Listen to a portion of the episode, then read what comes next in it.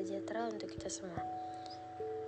Perkenalkan nama saya Nur Hasana dari kelas 2 A3 Manajemen dengan nomor NPM 205000033. Baiklah, di sini saya akan menjelaskan tentang Basinus fluctuation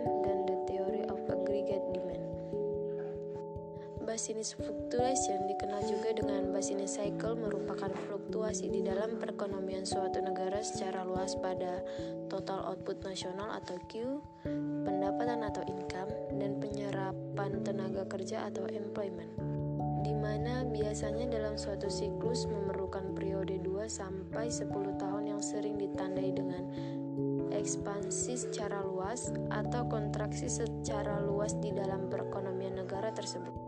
Secara umum, business cycle dikelompokkan ke dalam dua kondisi, yakni resesi dan ekspansi atau boom.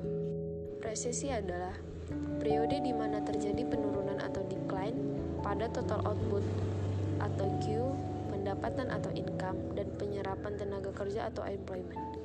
Biasanya terjadi dalam jangka waktu 6 bulan hingga satu tahun dan ditandai dengan kontraksi secara menyeluruh dalam perekonomian hingga mencapai dasar resesi atau trough. Sedangkan resesi yang parah dan berkepanjangan disebut dengan depresi.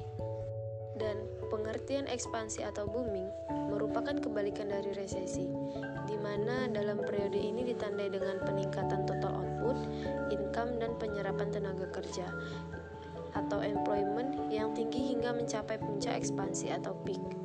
Adapun karakteristik atau tanda-tanda umum resesi yaitu sebagai berikut. Yang pertama, turunnya pembelian konsumen secara tajam di hampir seluruh sektor ekonomi. Kedua, turunnya permintaan tenaga kerja atau labor. Tiga, turunnya tingkat inflasi.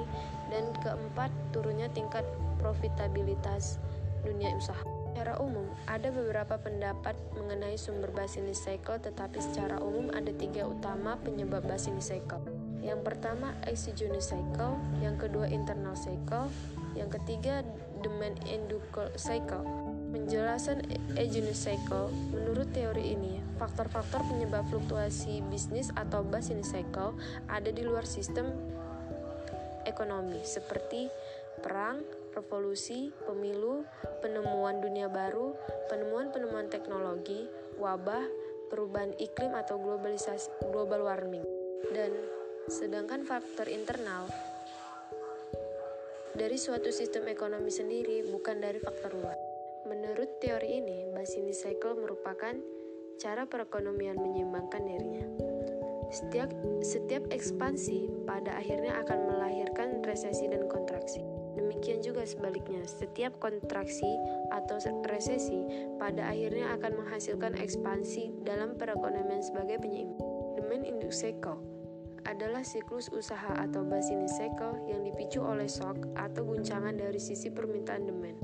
Forecasting business cycle para ahli ekonomi telah mengembangkan alat untuk melakukan peramalan terkait siklus usaha business cycle. Peramalan yang tepat akan kondisi perekonomian di, ma di masa yang akan datang, terutama terkait dengan business cycle dapat membantu pemerintah atau penentu kebijakan untuk menyiapkan kebijakan ekonomi yang tepat dalam meredam dampak negatif business cycle dan mempercepat recovery dari resesi bahkan depresi. Econometric modeling dan forecasting salah satu metode atau alat yang sering digunakan para ekonomi untuk melakukan peramalan atau forecasting adalah dengan menggunakan econometric modeling. Model ekonometrik adalah suatu set persamaan dengan berbagai variabel yang men mencerminkan faktor-faktor yang berpengaruh dalam perekonomian. Model ini disebut juga dengan makroekonomik model yang dihitung dengan bantuan komputer. Dasar-dasar aggregate demand. Aggregate demand adalah total seluruh hasil produksi pada perekonomian suatu negara yang bersedia dibeli pada tingkat harga tertentu. Polisi variabel Variabel kebijakan merupakan kebijakan makroekonomi yang bisa dijalankan oleh pemerintah untuk mempengaruhi agregat demand atau total spending dan sepenuhnya berada di bawah kontrol pemerintah.